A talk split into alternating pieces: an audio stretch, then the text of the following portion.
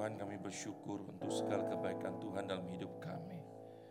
Kami bersyukur Tuhan untuk apa pun yang terjadi di sepanjang tahun 2020 ini. Terima kasih Tuhan dua bulan Tuhan sudah izinkan kami untuk lalui.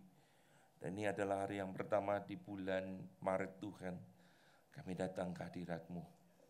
Tuhan kami bersyukur karena segala sesuatu yang Tuhan sediakan bagi kami itu cukup bagi kami Tuhan. Dan saat ini Tuhan kami bersyukur kami boleh menyembah Tuhan. Dan kami ingin membaca, merenungkan firman Tuhan. Berbicara kepada kami. Kuasai hati pikiran kami Tuhan. Pendengaran kami. Dan Tuhan kuasai mulut hambamu yang menyampaikan firmanmu. Agar sungguh Tuhan, isi hati Tuhan yang disampaikan dan kami boleh mengerti kebenaran firman Tuhan. Dalam segala keterbatasannya Tuhan. Kami mohon Allah Roh Kudus menterjemahkan firman-Mu dalam bahasa yang dapat dimengerti oleh setiap kami. Mampukan kami menjadi pelaku firman yang hidup. Dalam nama Tuhan Yesus kami berdoa dan mengucap syukur. Amin. Silakan duduk Bapak Ibu, Saudara-saudara. Shalom, apa kabar? Bisa tidur Saudara semalam? Saya yakin saudara-saudara bisa tidur ya, cuman ada yang bilang kurang nyenyak musuh. Kenapa saudara-saudara? Karena tadi malam itu hujan cukup lebat ya. Ada rekan-rekan berkata, kira-kira besok banjir nggak? Enggak. Tuhan bilang kasih kita ibadah ya. Masa libur terus saudara-saudara ya. Saudara minggu yang lalu puji Tuhan ya, walaupun banjir, di KU2 kita masih ada 82 orang yang ibadah saudara. Beri tepuk tangan dong saudara. Saudara-saudara ditambah lagi saya lihat yang lihat kebaktian itu saudara-saudara ada 100 lebih. Jadi lumayan saudara-saudara ya. Nah saudara-saudara hari ini kita bersama-sama khususnya bulan Maret kita akan bersama merenungkan firman Tuhan saudara berkaitan dengan masa prapaskah kita akan renungkan tentang Kristus saudara. Itu sebabnya tema-tema kita berbicara tentang Kristus. Nah, saudara, eh, pada hari Rabu kita ibadah, kita bicara eyes on Christ. Dan saudara hari ini kita akan bahas Christ is enough atau kadang Christ is not enough saudara-saudara. Tuhan Yesus itu saudara-saudara cukup dalam hidup kita atau sebenarnya saudara-saudara masih kurang, kurang cukup. Seringkali saudara-saudara itu menjadi apa yang terjadi dalam kehidupan kita dan menjadi perlindungan kita. So mari kita baca Galatia pasal pertama ayat 1 sampai dengan ke-10. Surat Paulus kepada jemaat di Galatia pasal pertama ayat 1 sampai dengan yang ke-10. Demikian bunyi firman Tuhan saya bacakan buat Bapak Ibu Saudara-saudara Galatia pasal pertama ayat 1 sampai dengan yang ke-10. Dari Paulus seorang rasul bukan karena manusia juga bukan oleh seorang manusia melainkan oleh Yesus Kristus dan Allah Bapa yang telah membangkitkan dia dari antara orang mati. Dan dari semua saudara yang ada bersama-sama dengan aku kepada jemaat-jemaat di Galatia. Kasih karunia menyertai kamu dan damai sejahtera dari Allah Bapa kita dan dari Tuhan Yesus Kristus yang telah menyerahkan dirinya karena dosa-dosa kita untuk melepaskan kita dari dunia jahat yang sekarang ini menurut kehendak Allah dan Bapa kita Baginya lah kemuliaan selama-lamanya. Amin. Aku heran bahwa kamu begitu lekas berbalik daripada dia. Yang oleh kasih karunia Kristus telah memanggil kamu dan mengikuti suatu Injil lain yang sebenarnya bukan Injil. Hanya ada orang yang mengacaukan kamu dan yang bermaksud untuk memutarbalikan Injil Kristus. Tetapi sekalipun kami atau seorang malaikat dari surga yang memberitakan kepada kamu suatu Injil yang berbeda dengan Injil yang telah kami beritakan kepadamu, terkutuklah dia. Seperti yang telah kami katakan dahulu, sekarang kukatakan sekali lagi. Jikalau ada orang yang memberitakan kepadamu suatu Injil yang berbeda dengan apa yang telah kamu terima, terkutuklah dia. Jadi bagaimana sekarang? Adakah ku cari kesukaan manusia atau kesukaan Allah? Adakah aku coba berkenan kepada manusia? Sekiranya aku masih mau mencoba berkenan kepada manusia, maka aku bukanlah hamba Kristus. Sampai demikian jauh pembacaan firman Tuhan. Saudara ketika dalam perenungan firman Tuhan ini saudara, saya membaca ada sebuah kisah nyata yang terjadi di dalam kehidupan anak-anak Tuhan yang sangat menggugah hati saya. Di mana saudara-saudara anak-anak Tuhan ini mempertahankan imannya saudara di India. Sudah saya yakin saudara-saudara sebagian besar kita belum pernah pergi ke India, saudara. Ya, saya sendiri belum pernah, saudara-saudara, ke India yang sangat luas sekali. Tapi saudara ini kisah ini terjadi tahun 1800-an, saudara. Saudara-saudara, ini mengisahkan tentang ada sebuah kota di sana, yaitu sebuah kota di India bagian timur, saudara, yang namanya kotanya Asam, saudara. Bukan asam buat makanan, saudara ya. Jadi A-S-S-A-M. Jadi saudara bisa cek di Google, ada tempat yang namanya Asam, saudara-saudara di sana. Nah saudara-saudara, kota ini saudara-saudara berpenduduk orang-orang pada tahun 1800-an itu sangat primitif sekali. Kebiasaan orang di sana itu sukanya saudara kanibal, saudara, praktek memakan sesamanya saudara. Dan saudara-saudara, status sosial atau status masyarakat pada waktu itu Saudara-saudara bukan ditentukan seberapa uang yang mereka miliki, seberapa banyak. Biasa kalau di dalam perjanjian lama itu kambing, domba, sapi itu ya, ternak yang mereka miliki. Tapi bagi orang-orang di daerah sana, saudara-saudara, status sosial itu ditentukan seberapa banyak dia koleksi kepala manusia. Jadi sudah-sudah dengan kata lain sudah semakin banyak dia koleksi kepala manusia, semakin dia dipandang, dia dihormati di sana, saudara. Jadi saudara bisa membayangkan saudara begitu sadisnya saudara suku primitif di sana.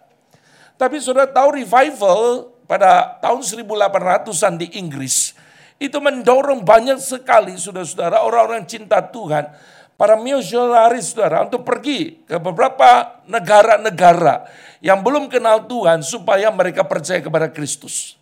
Dan saudara-saudara misionaris dari Inggris banyak yang pergi ke sana. Dan tentu saudara-saudara mereka menjadi korban di sana. Tetapi darah kaum martir saudara-saudara. Yang tercurah itu sudah tidak sia-sia. Membuahkan hasil dikatakan saudara ada sebuah keluarga yang percaya kepada Tuhan ada seorang yang namanya saudara, yang saya baru tahu saudara, namanya Nokseng saudara. Ya saya tidak tahu namanya Nokseng, itu dari suku Garo katanya ya. Itu percaya kepada Tuhan. Bukan cuma dia, istrinya percaya, dan kedua anaknya itu percaya kepada Tuhan. Tapi kemudian pertobatannya saudara membuat kepala suku di sana, orang-orang di sana marah, lalu kemudian mengumpulkan mereka dan diadili saudara. Pada saat itu Kepala suku saudara-saudara mengangkat tombak lalu berkata kepada Nongseng. Ya bukan Nongki ya, tapi Nokseng saudara. Beda saudara ya. Nokseng ini saudara-saudara dia berkata begini. Nokseng kamu putuskan hari ini.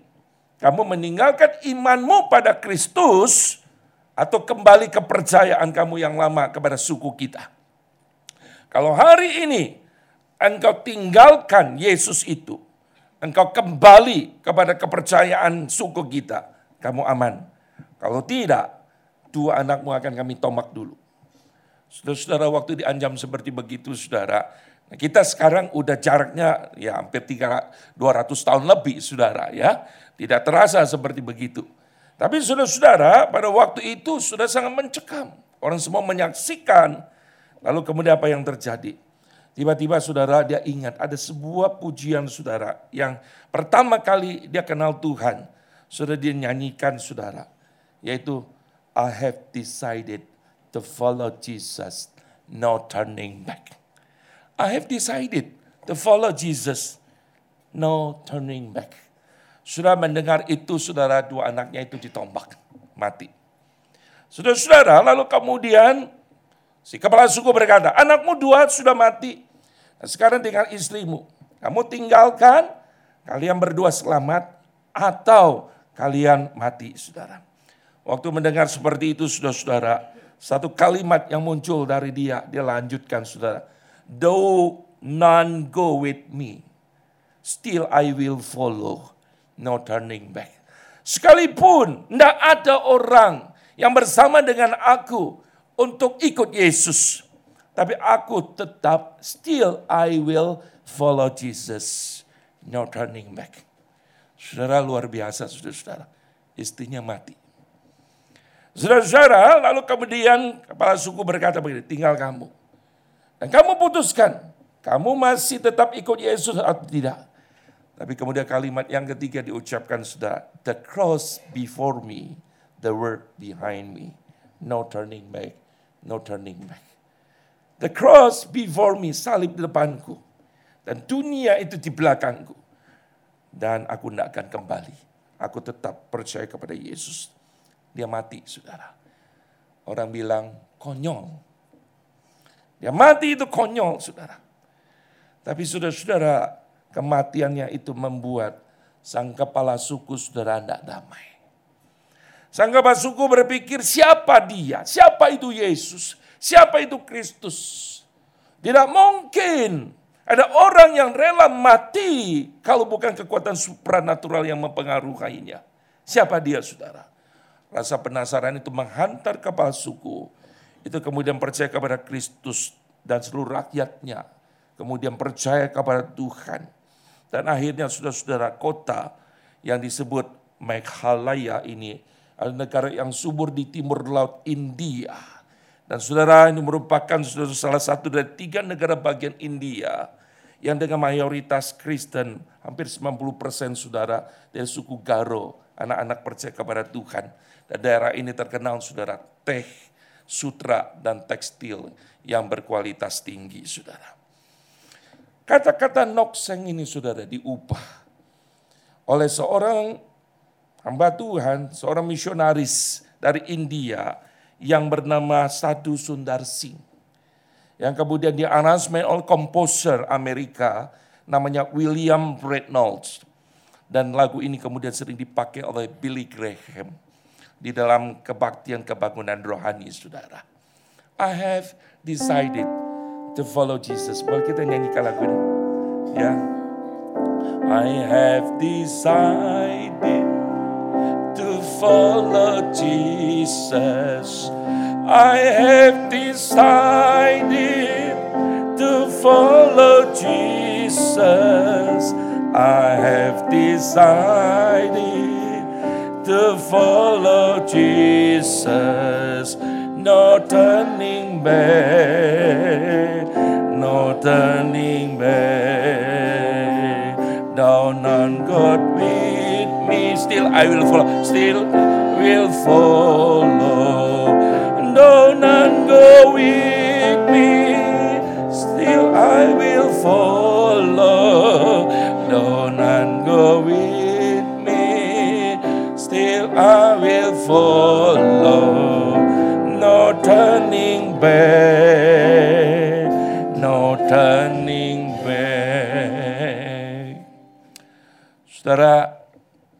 bukan cuma anak Tuhan ini yang mengatakan kalimat ini. Tapi kalimat ini pernah dikatakan oleh Paulus dalam Filipi pasal 1 ayat 21. Bagiku hidup adalah Kristus dan mati adalah keuntungan. Saudara, bagiku hidup adalah Kristus, mati ada keuntungan. Sudah bukan sebuah semboyan yang hanya diucapkan di mulut. Tapi Paulus nokseng itu mati untuk Kristus. Kenapa? Konyol bukan? Kenapa mereka rela mati? Sudah tidak mungkin ini bisa dilakukan oleh orang yang saudara kalau dia pikir Kristus sudah cukup dalam hidupnya. Pasti karena dia pikir Kristus sudah cukup, lebih dari cukup. Tuhan Yesus sudah puas ada Tuhan Yesus dalam hidupnya. Dia rela mati, saudara. Orang yang berkata, I have decided to follow Jesus, not turning back, not turning back. Sudah tidak bisa terjadi jika ia tidak puas dan tidak cukup dengan Kristus saja. Sudah ini berbanding terbalik dengan jemaat di Galatia, bukan? Jemaat Galatia yang kita baca tadi, saudara-saudara, Paulus menulis dalam pasal pertama ayat yang ke-6 sampai yang ke-7. Dia berkata, aku heran bahwa kamu begitu lekas berbalik daripada dia, yaitu Kristus. Yang oleh kasih karunia Kristus telah memanggil kamu dan mengikuti suatu Injil yang lain yang sebenarnya, saudara, bukan Injil. Saudara, kenapa ini terjadi, saudara? Karena bagi jemaat di Galatia, sekali lagi, mereka beriman, tapi iman pada Kristus plus. Saudara kita itu senang dengan plus, plus, plus. Beli barang kita bilang ada plusnya enggak. Beli ikan di pasar plus tambah satu. Betul tidak? Kita minta ada hadiahnya, ada tambahannya saudara. Bahkan saudara di dalam iman kita pun kita berkata Kristus saja tidak cukup saudara. Itu sebabnya kemudian Paulus ketika kita baca dalam suratnya dia berkata aku heran. Atau terjemahan yang lain aku ini tidak habis pikir kata Paulus. Kenapa Paulus tidak habis pikir saudara? Karena saudara baru satu tahun orang di Galatia ini percaya kepada Tuhan dan sekarang mereka sudah berpaling saudara. Baru satu tahun. King James Version berkata, you are so soon removed. Begitu cepat engkau berubah. Baru engkau bilang cinta Tuhan, baru engkau bilang percaya kepada Kristus. Saya perhatikan baik-baik. Jemaat di Galatia bukan tinggalkan Tuhan, enggak. Mereka masih percaya Kristus. Tapi bagi mereka Kristus saja tidak cukup. Mereka bukan tidak percaya Kristus, mereka percaya Kristus. Cuma Galatia seperti saudara, anak kecil kalau sudah sering kali saya lihat, anak kecil baru belajar berjalan saudara. Lalu kemudian dia pegang bola atau pegang barang saudara, pegang satu dengan dua tangannya. Lalu dia merasa, wah barang ini saudara, kue ini terlalu besar misalnya dikasih bakpao gede. Dia pegang, saudara. Dia senang sekali. Tapi ada lagi satu bakpao yang lain. Dia mau pegang, saudara. Dia pegang, saudara. Waktu dia pegang, apa yang terjadi? Dia kehilangan simbang, dia jatuh. Dua-dua bakpaunya juga jatuh, saudara. Saudara Paulus lagi bicara sama jemaat di sana. Bahwa engkau berpikir, engkau percaya Kristus. Tapi masih lagi engkau percaya yang lain. Hati-hati dalam Galatia 5 ayat 4 saudara, Paulus berkata begini, kalau kamu demikian, Paulus dengan tegas, kamu lepas dari Kristus. Jika kamu mengharapkan kebenaran oleh hukum Taurat, kamu hidup di luar kasih karunia. Jadi saudara, pilihannya seluruhnya Kristus. Atau saudara berkata, seluruh eh, Kristus sedikit saja di diskon, berarti apa? Paulus berkata, lepas Kristus itu dalam hidupmu. Itu berarti kasih karunia itu tidak ada lagi dalam hidupmu. So, ini perkataan yang sangat serius. Jadi tidak bisa Kristus itu didiskon dalam hidupmu, saudara. Saudara dalam suratnya, Paulus itu saudara dengan tegas kalau kita baca Galatia, menegur orang-orang di sana. Sampai-sampai surat ketika kita baca surat di Galatia, Paulus kok begitu keras, seperti bukan seorang rasul ngomong. Paulus berkata Galatia pasal 3, saudara, dia berkata ayat yang pertama, Hai orang-orang Galatia yang bodoh. Saudara bisa bayangkan kalau seorang Tuhan marahin orang, goblok. Bodoh kamu. Kenapa Paulus ngomong begitu? Karena Paulus merasa, apakah engkau sebodoh ini dalam ayat yang ketiganya, saudara? Kok begitu cepat engkau mau tambahkan imanmu yang sudah benar pada Kristus, tapi engkau masih tambahkan lagi. Apa yang membuat engkau begitu, saudara?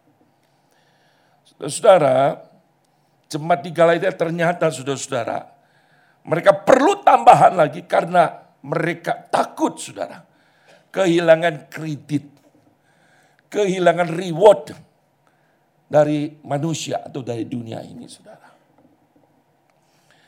Seringkali bagi kita Kristus itu perlu ditambah karena saudara kita masih ingin reward, kita masih ingin kredit dari dunia ini, dari manusia.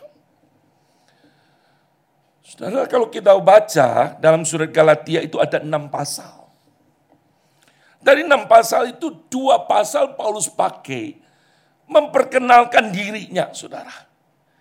Paulus memperkenalkan dirinya panjang lebar dan cerita tentang dirinya. So, pertanyaan kita adalah apakah Paulus sebenarnya sedang membangun citra dirinya? Enggak. Saudara Paulus bukan butuh pengakuan manusia, enggak. Makanya mulai Galatia pasal pertama ayat 1 kita baca tadi, Saudara Paulus memperkenalkan dirinya. Dia tahu siapa identitas dirinya. Dia bisa mengidentify dirinya, saudara. Orang yang mengatakan Kristus kurang, Kristus tidak cukup. Orang itu berarti belum kenal dirinya dengan benar, saudara. Paulus bilang siapa dirinya? Paulus berkata, aku ini Paulus, seorang rasul, bukan karena manusia, juga bukan oleh seorang manusia, melainkan Yesus Kristus oleh Yesus Kristus dan Allah Bapa yang telah membangkitkan dia dari antara orang mati. Paul, apostle, sent not from man, not by a man, but by Jesus Christ. Dia berkata bahwa aku ini hamba Tuhan. Aku ini adalah alat Tuhan. Aku ini rasul tapi aku jadi rasul bukan karena sekelompok manusia. By man or by a man, saudara. Bukan karena sekelompok manusia atau seorang manusia, sekalipun dia hebat. Bukan. Aku jadi hamba Tuhan. Aku jadi pelayan Tuhan. Itu karena apa? Kristus. Saudara-saudara, sudah membaca Paulus dan mulai pasal pertama dia menjelaskan setelah dia percaya kepada Tuhan, setelah dia angkat oleh Tuhan menjadi pelayan Tuhan, dia tidak butuh endorse manusia. Ini penting sekali saudara-saudara. Dia tidak butuh sudah endorse manusia. Dia tidak butuh pengakuan manusia. Dia tidak butuh kredit manusia.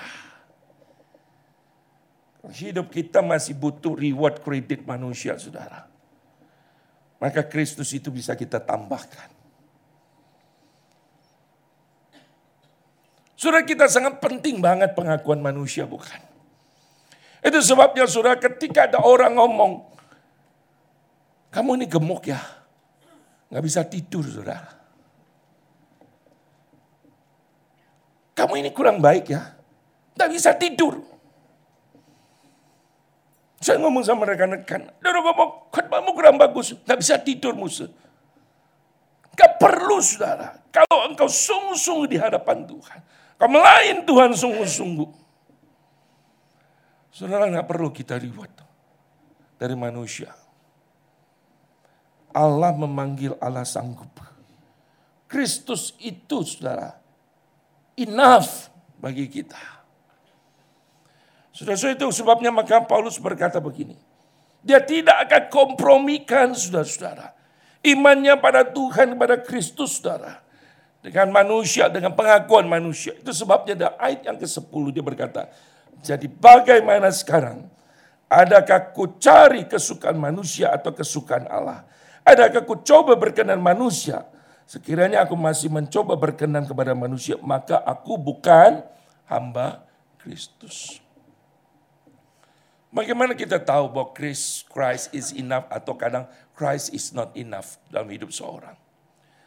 Kalau kita berkata Christ is enough, hidup kita sudah sesungguhnya kita akan coba untuk berkenan kepada Allah.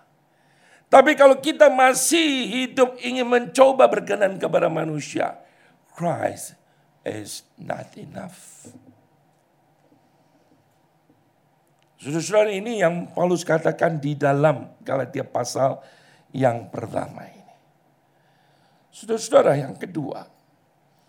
Saudara apa yang menyebabkan jemaat Galatia ini saudara-saudara imannya pada Kristus plus. Karena sekali lagi mereka tidak berakar. Mereka saudara tidak sungguh-sungguh mengenal Kristus saudara. Saudara Leon Morris dalam bukunya dia berkata begini, bahwa surat Galatia ada sebuah surat dari seorang rasul yang sangat bergairah. Terlihat dari jiwanya yang penuh berapi-api untuk Tuhan. Dan komitmen yang begitu dalam untuk membawa pendengarnya mengerti apa itu iman yang menyelamatkan. Dia katakan saudara-saudara, dia ingin betul-betul dia bilang seorang preacher on fire and deeply committed to bringing his hearer to an understanding of what saving faith is. Apa itu imannya menyelamatkan? Dia ingin sudah supaya jemaat di Galatia itu kenapa? Tidak hanya pada Kristus tidak cukup bagi mereka. Karena mereka tidak berakar, mereka tidak dalam dalam Tuhan. Saudara, kemarin dalam kelas pembinaan kita berbicara tentang meminta tanda. Dan tentunya saya bahas tentang bagaimana tahu kehendak Allah.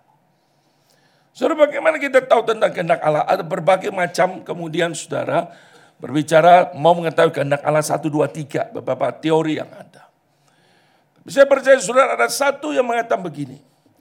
Kalau Tuhan memang tidak memberitahukan semuanya saudara-saudara. Perintahnya, kehendaknya atas hidup kita itu secara spesifik detail. Tapi setiap hari keputusan kita, kita harus ambil.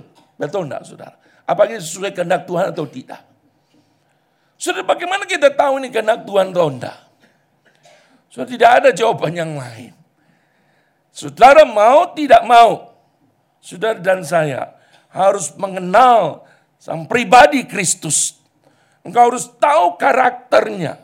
Engkau harus tahu siapa dia. Engkau harus tahu dia sukanya apa. Dia maunya apa? Betul nggak saudara?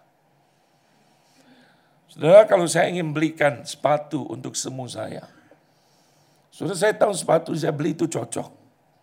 Karena saya tahu ukuran dia saudara 36, plus 5 gitu ya. Atau ukuran 37 kalau ukuran Asia. Saudara lebih dari itu pasti nggak cocok. Saya tahu dia tidak bisa pakai yang tinggi-tinggi. Saya tahu warnanya apa. Saya belikan itu kenapa dia bisa pas, dia cocok. Saya harus kenal dia. Sudah bahaya saudara kalau saya belikan sepatu ukuran buat dia 40. Dia bilang kamu beli buat siapa? Saudara-saudara, kamu tidak kenal saya. Saudara, dari mana kita tahu apa maunya Tuhan sih? Kalau engkau tidak pernah kenal pribadinya, engkau tidak pernah belajar mengenal dia. Belajar sungguh-sungguh. Saudara-saudara, tentu kita nggak bisa kenal dia. Saudara-saudara, gereja ini menyediakan pembinaan buat kita. Saya rindu saudara dari awal gereja mulai. Hampir 14 tahun yang lalu saya sudah start dengan kelas pembinaan. Tapi seberapa banyak kita itu rasa rindu saudara untuk kenal Tuhan. Dan saya bilang tetap dijalankan. Tetap jalan. Rekan-rekan bilang, aduh mesti ikut sedikit. Nggak apa-apa. Sudah sudah siapkan segala mati, datang sedikit. Nggak apa-apa. Dari rindu orang-orang yang kenal Tuhan inilah saudara yang sungguh-sungguh bisa berkata Christ is enough. Sebagaimana engkau tahu barang ini palsu atau asli sih? Sudah tidak perlu belajar yang palsu. Yang palsu banyak, sudah belajar bingung. Tapi kalau engkau mau tahu mana yang asli, mana yang palsu, sudah belajar aslinya. Kalau sudah tahu yang asli, sudah bisa membedakan mana palsu. Cukup sudah tahu yang asli. Sudah bisa membedakan mana yang palsu.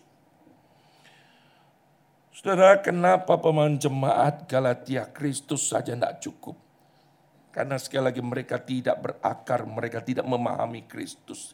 Itu sebabnya saudara Paulus berkata, aku nih heran kamu cepat berbalik. Aku nih heran kepada kamu, kok kamu cepat ikut Injil yang lain yang sebenarnya bukan Injil.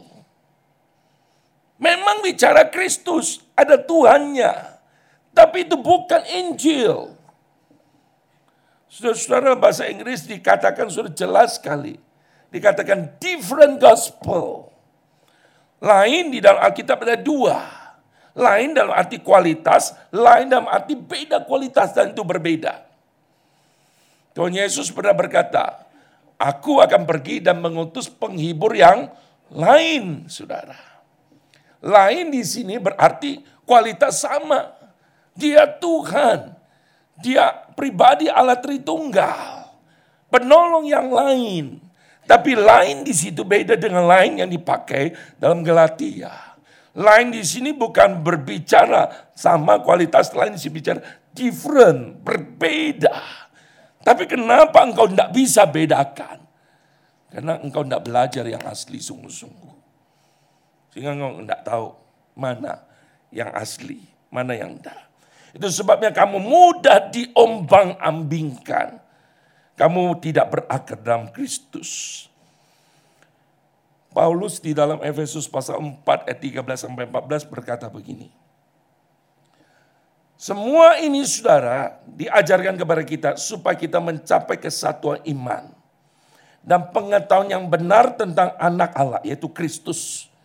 Kita bukan lagi anak-anak yang diombang-ambingkan oleh rupa-rupa pengajaran. Oleh permainan palsu manusia dan kelicikan mereka yang menyesatkan. Saudara kita sering kali mendengar teman atau saudara kita berkata begini. Jadi orang Kristen itu jangan terlalu munaf, terlalu fanatik. Ya, jangan terlalu fanatik. Dalam percaya Kristus ya percaya bolehlah. Tapi jangan terlalu fanatik Ya jangan dibuang kepercayaan nenek moyang dong gitu ya. Ya tanya orang pintar juga nggak salah. Ya Tuhan juga kasih hikmat kepada orang pintar ini dari Tuhan. Ya boleh aja tanya-tanya. Ya Tuhan juga pakai leluhur kita kali. Hati-hati saudara. Itu berarti kita percaya Christ plus plus, saudara. Nggak cukup. Saudara, hari ini Tuhan bicara kepada kita, saudara. Ketika kita memasuki masa masa prapaskah, gereja mengajak kita untuk kembali fokus kepada Kristus. Kembali sungguh-sungguh kita introspeksi pemahaman kita, pengenalan kita kepada Tuhan. Itu sebabnya saudara Paulus berkata begini. Di dalam Roma pasal 8 ayat yang sangat favorit bagi kita. Dan ayat itu sering kita hafal dan kita pakai 828. Kita menguatkan orang lain. Kita berkata Allah turut bekerja dalam segala sesuatu mendatangkan kebaikan. Ya. Di dalam banjir-banjir kita alami tenang Allah turut bekerja. Betul. Tapi sekali lagi saudara-saudara. Di dalam ayat yang ke-31 sampai ke-36 yang Paulus berkata khususnya ayat 32 mulai. Paulus bicara begini, dia memulai dengan sebuah dalil yang luar biasa. Jikalau Allah Bapa tidak menyayangkan anaknya sendiri, tetapi menyerahkannya, yaitu menyerahkan Kristus bagi kita semua.